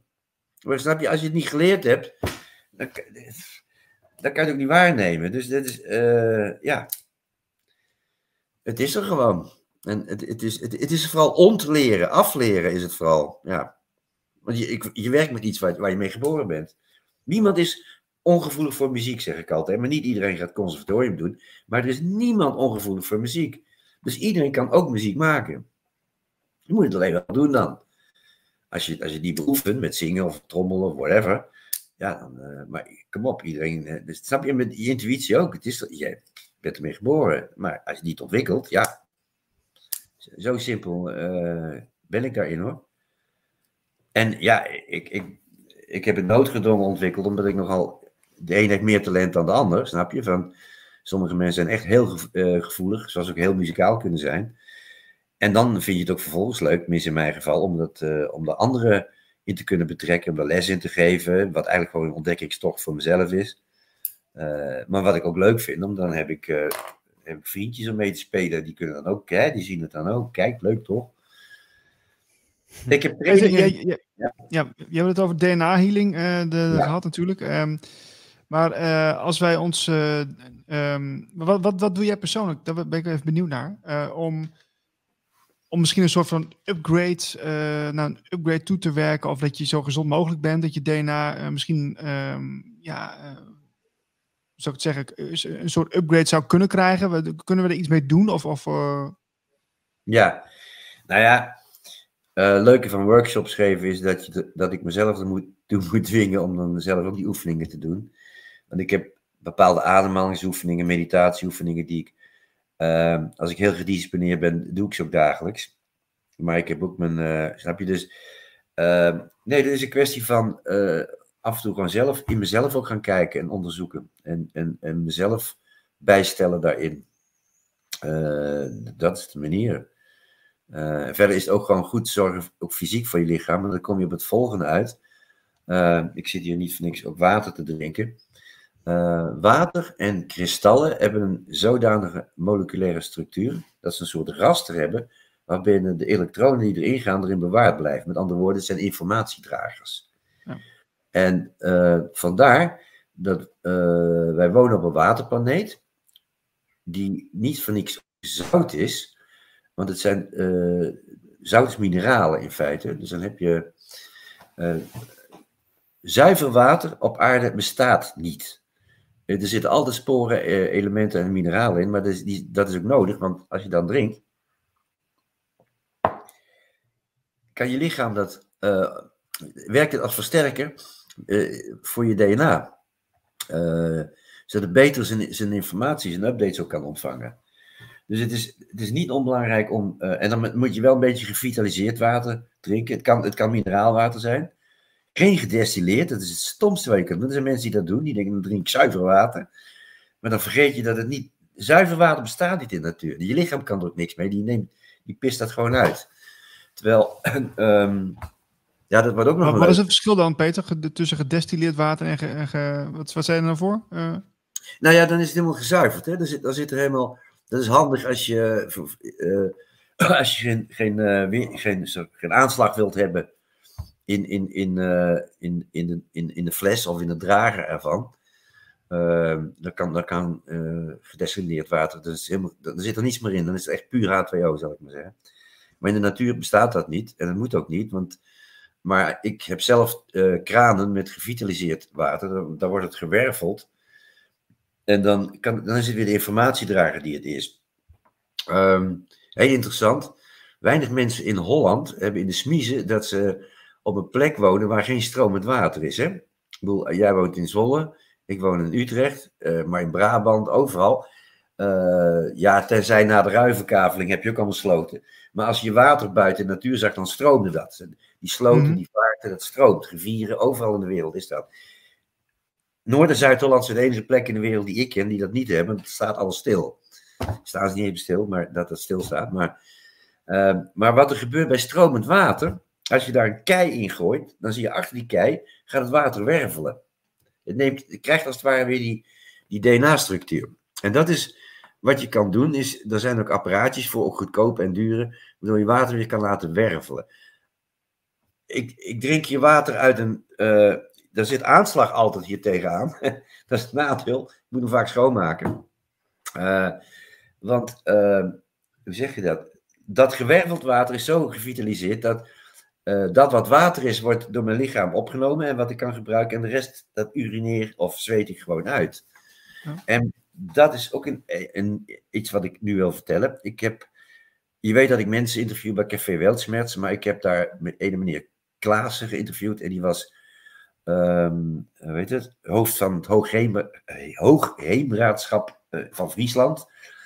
Dus dan ben je technisch ook bezig met de waterzuivering van, van deze waterige provincie. En die, zei, die vertelde iets over, die man die was ook heel spiritueel, wist ook veel van geometrie en water. Maar technisch zei die, zitten, we, zei die, zitten we aan een tax nu met, uh, met waterverontreiniging. Dit gaat ook over DNA, waar ik naar mee ga. Okay. Ik, geef wat praktische tips. En we, kunnen, we hebben met name in de jaren 70, uh, zijn, vanaf die tijd zijn behoorlijke sprongen gaan maken met waterzuiveringsinstallaties. Uh, snap je dat? Toen zijn we ook gestopt met uh, chemisch afval in rivieren en, en, en, en, en grachten te dumpen. dus de steden waren allemaal op riolering aangesloten nu en alles. Maar nou een probleem. We zitten met medicijnresten en we zitten met nanoplastics. Dus met die hele kleine particles. En die krijgen ze niet uit.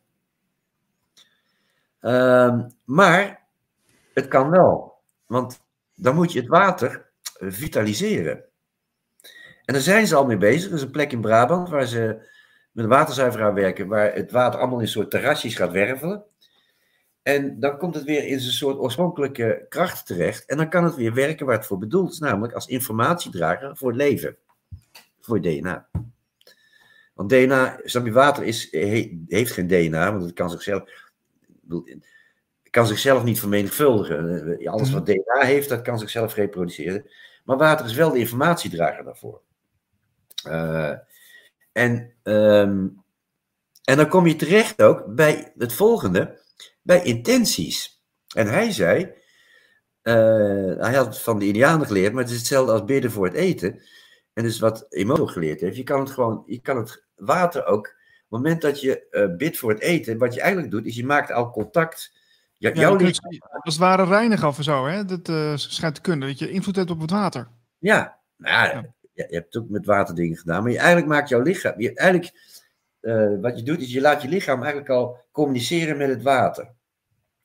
Nou, dan is dankjewel tegen water zeggen of tegen eten waar veel water in zit.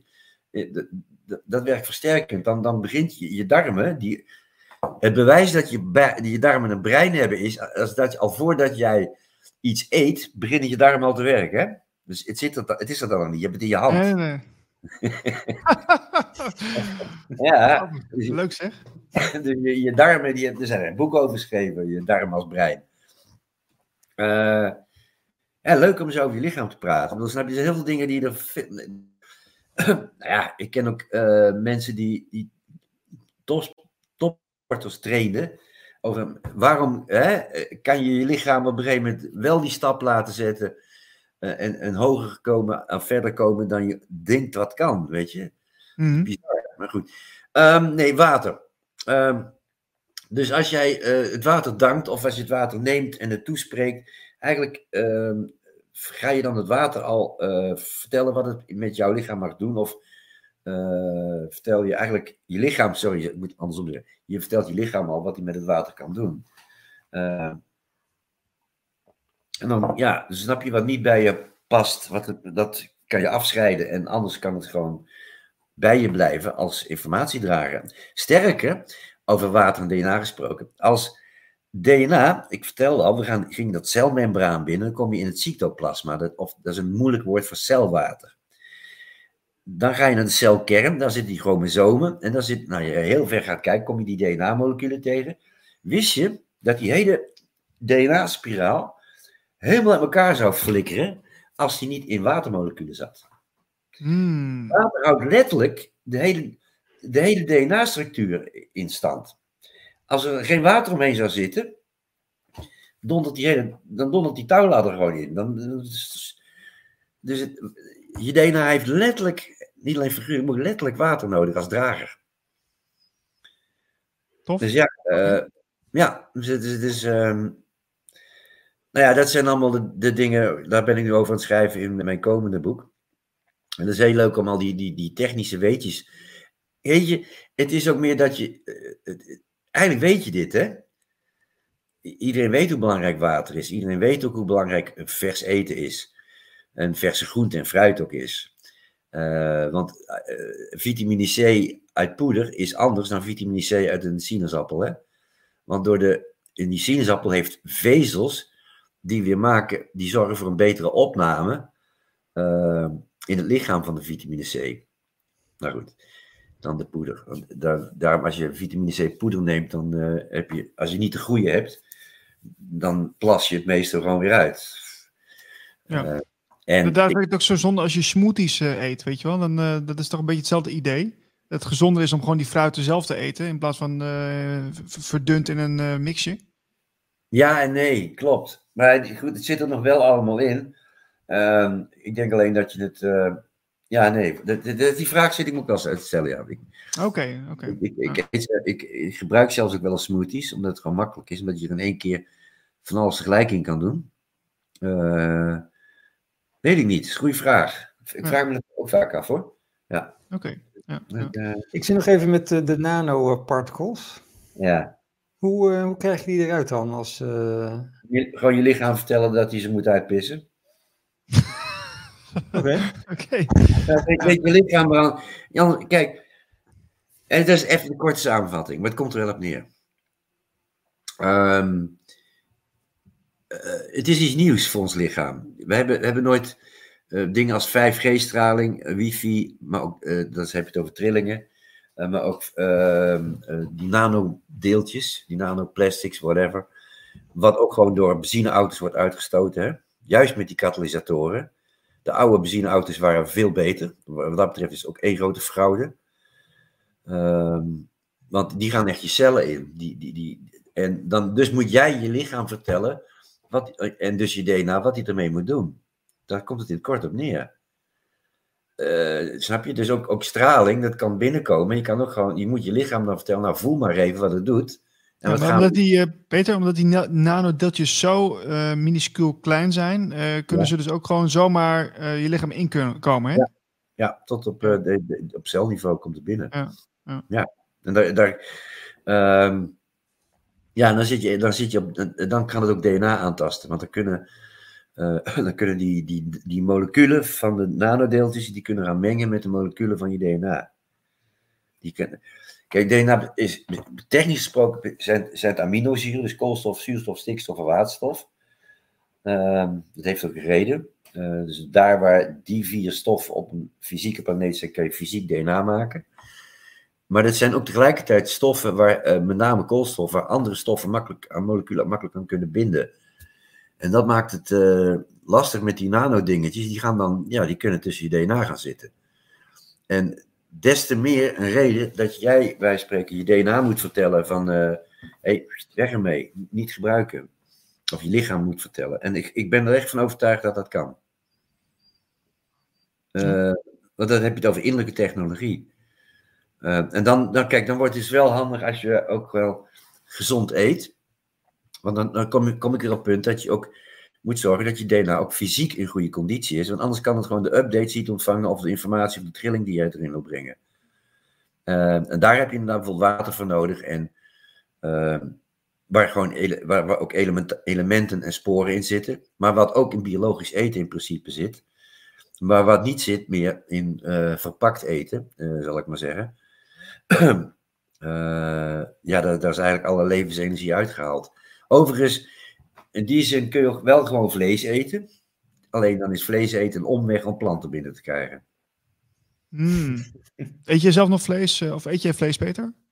Ik ben niet principieel vegetariër, dus ik eet af en toe vlees. Ja. Ja, heb ik het maar. Ik zeg het nu maar al eerlijkheid, want ik heb jarenlang ben ik strikt vegetariër geweest. Uh, en ik merk nu zo van, nou, heel af en toe heb ik daar gewoon een soort behoefte aan. En dan moet het natuurlijk hartstikke goede kwaliteit zijn. En ik dank het vlees dan ook. Maar snap je, ik, dat, voor mij is het echt een soort uh, iets speciaals. Uh, en dan, dan, uh, dan weet mijn lichaam er ook raad mee. Uh, ja. Okay. Maar dan heeft, okay. die heeft voor mij al de plant verwerkt. En dat kan ook iets opleveren wat, wat, waar ik, uh, ja, ja, dat kan. Maar het, je hebt ja, op zich... Wat, we hebben gesproken over het, het, het, trauma wat, wat het uh, in het dier uh, heeft gezeten. Hè? En, nou, ja. Als ze slecht leven heeft gehad, ja, dat, ja. daar, volgens mij refereerde je daar al naar. Dat dat doorwerkt op degene die dat tot zich neemt. Ja. Ja, dus wat, daar, daarom wil je ook zo graag dat het echt goed vlees is. En dat je weet wat, wat voor leven een dier gehad heeft. Denk ik. Ja. Niet? Ja, ja, ja. ja, nee, oh, oh, ik zeg het, het is een soort uit de kast komen nu. Want de meeste mensen kennen mij als strikt vegetariër. Uh, dus voor het eerst dat ik het in het openbaar zo ook zeg. Maar het is voor mij nog steeds bijzonder. Ja. Ja, ja, goed. Ja, ja, ik bedoel, e-, eerlijk duurt het langs, dus ik zal het maar gewoon eerlijk zeggen. Uh, maar ik, snap je, het is niet iets, um, het, is, het is iets speciaals voor mij. Als ik één keer in de maand uh, vlees eet, is het veel. En al sowieso geen varkensvlees. Maar af en toe een kip of een rund. Weet je, um, maar dan moet het echt, echt uh, ja, één keer in de maand, niet eens soms. Het moet dan wel goede kwaliteit zijn. Dus het, het moet echt uh, een goed leven gehad hebben. Ja. Peter, jij zei ook nog iets over uh, planten, Monsanto en de zaden. En dat oh, ja. er wordt mee geknoeid. heb jij ooit meegemaakt zelf dat je in het energetisch veld van een plant of van groenten bijvoorbeeld de, waarmee geknoeid was, iets anders zag? Uh, ja, dat is een goede vraag. Dus bijna dezelfde vraag stellen als: zie jij energetisch iets anders bij iemand die de prik heeft genomen of niet? Snap je? Dan heb ik het over de coronaprik. En het, het is ook dezelfde vraag stellen als van: als je, ik, die heb ik nooit gezien. Hè? Ze, ze kunnen ook dieren uh, manu- uh, zeg je dat? manipuleren. Ze hebben, ze hebben de- de- dat schaap Dolly en die, die stier Herman. Oh ja, ja. Ja. eh, die hebben wel degelijk een ziel. En dat in die planten ook. En het, ik, mijn waarneming is ook niet dat mensen die geprikt zijn, dat, dat die ziel weg is. Nee. Eh, maar wat ik wel waarneem, is dat ze moeite, meer moeite hebben om contact te krijgen met die ziel en, vanuit, en van daaruit met het bronveld. Dat, en, dan, en dat laatste, dat is ernstig wel. Eh, snap je? Dus het is nog steeds leven. Er zit een ziel in. Eh, het, ja. het, is meer. ehm, eh, het is ook niet zieloos. Alleen het, ja, het contact met die ziel lijkt weg te zijn. En daarmee ook met, met de geest en met, de met de, de, de bron waar alles uit komt. Dat is wat ik waarneem. Alsof het zich ervan losmaakt. En een soort eigen leven gaat leiden. En wat vervolgens, dat is dan een technisch verhaal, eh, weer. Dat is niet mijn waarneming, maar ik weet dat eh, gemanipuleerd zaad brengt planten voort die geen zaad meer voortbrengen. Dat schaap Dolly de- en die stier Herman, die waren eh, vruchteloos. Hoe heet dat? Die konden geen nakomelingen. Nee, Ja. precies. Oké. Goh. Dus gemanipuleerd voedsel is, is in die zin letterlijk een doodlopend eind. Ja, ja, ja, ja, ja, ja. het brengt geen nieuw zaad meer voort. Letterlijk. Ehm, en ja, weet je, dan kan je wel komen met ja, dat- je het zodanig kan manipuleren dat het, dat het bijvoorbeeld eh, weerstand biedt tegen bepaalde onkruid, of dat het juist dat stukje genetica heeft wat helend kan zijn. Ehm, er is een groot onderscheid tussen eh, genetisch manipuleren, dan trek je atomen uit elkaar, of eh, eh, weet het, veredelen, dan breng je ze bij elkaar. De Maya's hadden 60 bonensoorten, weet ik hoeveel maissoorten. We hebben ongelooflijk veel aan, aan voedsel aan hun te danken. Het waren meester veredelaars. Dat is het omgekeerde van, van manipuleren. Snap je? Dus, eh, dus je kan, je kan eh, levensvormen bij elkaar brengen en er kunnen nieuwe vormen ontstaan. Is hetzelfde als doorgefokte honden, weet je wel. Die, eh, die krijgen altijd gebreken. En ja, het zijn lieve schatjes. Ze hebben echt een ziel. Want kijk maar, kijk maar in, hun ogen. weet je. Maar ze krijgen gebreken. Ze hebben moeite met voortplanten in feite. Daar komt het op neer. Ze met zichzelf. Ze, blijven, ze worden heel erg van. Ex, dat is ook, ook zie bij geprikte mensen. Die worden afhankelijker van externe factoren. om nog contact met zichzelf te kunnen hebben. Dat is wat ik waarneem. Hmm. Oké. Dat wil dus ook zeggen dat het he- te herstellen is. Maar dan hebben ze een behoorlijke hobbel te nemen. Ja, dan moeten ze dus er eerst van bewust zijn dat het inderdaad die, die, eh, die, die, eh, die uitwerking heeft eh, op zichzelf. En dan moeten ze nog eens een keer iets aan gaan doen, als ze dat, als ze dat zouden willen. Ja. Ja, Nou ja, oké. wat, wat vervolgens, eh, dat is wel interessant. Kijk, die plantenwezens, eh, die hebben mij ook zo, was het 2008, 2009, eh, ook verteld dat ze zich in een soort collectief veld hadden teruggetrokken, omdat ze eigenlijk met ons opnieuw wilden samenwerken. En zij vonden dat wij ons niet aan het contract hielden. Want zij, zij zeiden, wij zijn hier al het langst, we hebben alles voor jullie. Wij zouden jullie helpen om, om te kunnen transcenderen naar een, hè, naar een hogere trilling. En dan moest je kijken wat jullie met ons flikken, weet je wel. Ja, ja. Dus, ehm, dus dat, verhaal speelt ook nog. Dat je dus die, die, die dieren en planten hebben zo hun eigen bewustzijnsvelden, collectieve velden, daar heb ik het over.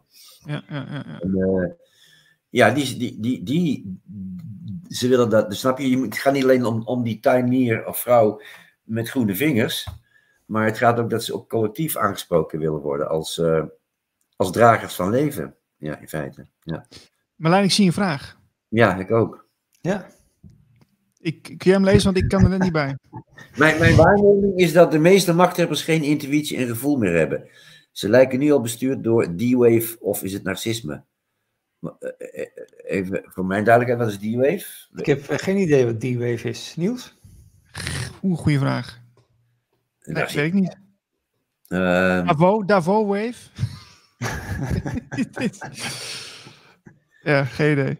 Nou Ja, ik, ik heb een soort antwoord al gegeven in het begin. Zo van, als je niet in je hart bent, dan kan welke externe krachten dan ook overnemen. En het zijn, die krachten zijn per definitie programma's, omdat we hier in de matrix zitten. Dus het is, het zijn, eh, dus Rutte is voor mij gewoon, die duwt een programma. Die is niet zichzelf. Oh, DARPA. All right. Oké, ja, maar DARPA, oké, nee, dan komen we daar Oh, komt die binnen? Oké, ja. Ja, ja, ja. ja. Ja, ja, je- mag nog een reactie op geven hoor. Zeg maar, het is, met AI is wel, kijk, AI is gewoon een robotveld, hè. Het is gewoon een, een, eh, een supercloud van de Matrix. En eh, die zijn, die, om, omdat robots geen emoties kennen en ook die, eh, snap je, geen geweten en geen empathie.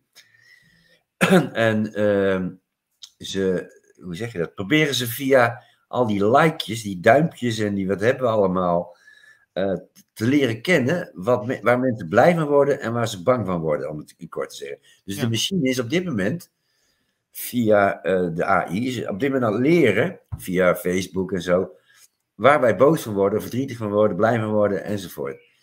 Ehm, en dat, gaan ze, dat gaat de machine straks gebruiken tegen ons, om ons dan te kunnen manipuleren. En mijn, ehm, dus dat moeten we niet onderschatten. Dus mijn advies is ook van, doe niet aan, aan boze gezichtjes en al die negatieve emoties. Als je alleen maar hartjes doet en, en smileys en duimpjes, dan, ehm, dan raakt de machine in verwarring, want dan, weet, dan weten ze niet zo goed waar we boos of verdrietig of manipuleerbaar op worden. Hmm. Dus even een zijspoortje. Ja, ehm, zijn er zadenbanken die op de juiste manier beschermd worden? Ja, die zijn er. Ja. Maar dat zijn al levende zadenbanken. Want je moet dan om de zoveel tijd, moet je, moet je die plant af en toe... Ik, ik ken mensen die ermee bezig zijn hoor. In Utrecht, eh, waar ik woon, is zo'n tuin. En daar heb, ik, daar heb ik mais gezien. Ik ken mensen uit Mexico die kwamen speciaal aan die tuin, omdat ze in eigen land die mais niet meer hadden. Serieus? Oh, wauw. Ja, ja, ja, ja. Ik heb echt bijzondere planten gezien. Ehm, nee, je moet ze. je- Ze worden en bewaard, ingevroren. Dan, dan heb je het echt over Antarctica en zo. Die, van die. ja, serieus. Eh, maar de echte goede zadenbanken, die zijn op aarde op verschillende plekken. Die mensen communiceren met elkaar en hebben ook overleg met eh goede biologen. Die, eh, die moeten om de zoveel tijd worden die zaden ook geplant. Dus dan, zodat ze weer nieuwe zaden opleveren. En zo hou je het ook levend. Want je moet, ja. Weet je wat op dit moment het duurste soort, qua soortelijk gewicht, het duurste spul op aarde is? Dus niet goud, niet platinum. Het zijn eh, biologische tomatenzaden. Dus het allerduurste wat op dit moment qua soortelijk gewicht te krijgen is. Oh, interessant. Ja, omdat met name tomaten de laatste jaren behoorlijk zijn doorgefokt. Dus het, het niet gefokte, door, eh, dus het biologische tomatenzaad, het is, eh, dat is iets heel kostbaars aan het worden. Ja, Maar, het, or- ja, eigenlijk het origineel dus, zeg je eigenlijk. ja, Ja, ja, ja. Ja, bedoel, dingen worden Ja. gewoon doorgefokt, want hoeveel soorten tomaten hebben we wel niet? Wist je hoeveel, hoeveel soorten aardappelen er bestaan in, in Zuid-Amerika? Het zijn er duizenden. Echt, het is bizar. Kunnen we, zal ik ook gewoon een, een woord noemen? Dan kijk ik of, of, je, of je reactie geeft. Wij kun je overal naartoe. Ja, Leuk. Eh, Peter, we zitten over de halve uur. van Ede, ja, iemand noemt Lof van Ede, juist, jij weet het, Rafael, ja. Oké, oké. Ik kan het niet zien, hoor, de reactie trouwens. Maar, eh, oh, wacht even. Die zitten hier natuurlijk. Ja, oké. Eh, ja dan la- zullen zullen we nog één vraag doen? Ik weet niet of er nog wat binnenkomt, maar Ja, als hij het nog komt. Anders dan sluiten we af. Ehm, wat denk jij, Marlijn? Je zit trouwens in het donker. Is, is de elektriciteit uitgevallen? ja daarom, daarom heb ik hier al, al van tevoren kunstlicht aangezet. Ja, dat ligt, eh, ligt ook aan, deels aan de camera. Maar ik ben een beetje bang om dat eh, te- te- nu te veranderen, want dan eh, slaat de computer op hol. Oh, Oké, oké. ons. Eh, Peter, we zitten er doorheen. Eh, ja, we Oh. vonden het reuze interessant. Het ging heerlijk alle kanten op, maar je kent me. Ja. maar ik denk dat de luisteraars eh, het zeer konden waarderen. En ik vond het een hele leuke eerste eh, Radio Gletscher zomerlezing eh, die we gedaan hebben. Dus nogmaals dank. En ehm, ja, volgende week zijn we er weer. We zijn volgende week met het, het onderwerp de dood. Een collega van ons, Maatje Luther, die gaat dat doen. Die heeft er zelf hele interessante ervaringen over opgedaan. En daar gaan we dus volgende week het gesprek over aan. Dezelfde tijd, dezelfde zender. Ja, ik word een beetje zo'n presentator. Hè? Dezelfde tijd, zender. Eh, en eh, doe lekker mee op de chat ook. Hè? Dat ik zie er ook weer mensen binnenkomen. En eh, volg ons op Instagram, Facebook, Twitter en YouTube. En bedankt mannen. Kijk, helemaal goed. Leuk. Ja, ook bedankt. Dat was een, echt duimpje, een fysiek duimpje, geen. AI-duimpje. Je voelt het verschil. Uh, Marlijn, wil je nog een laatste slotwoord? Heb je nog iets uh, te melden? Of, uh... nee hoor. Nee, Oké. Okay. Dan sluiten we hem hierbij af. Iedereen dank voor het luisteren en kijken. En graag tot volgende week. Oké. Okay. Hoi, bedankt ook. Hoi, hoi. Tot ziens. Doei doei.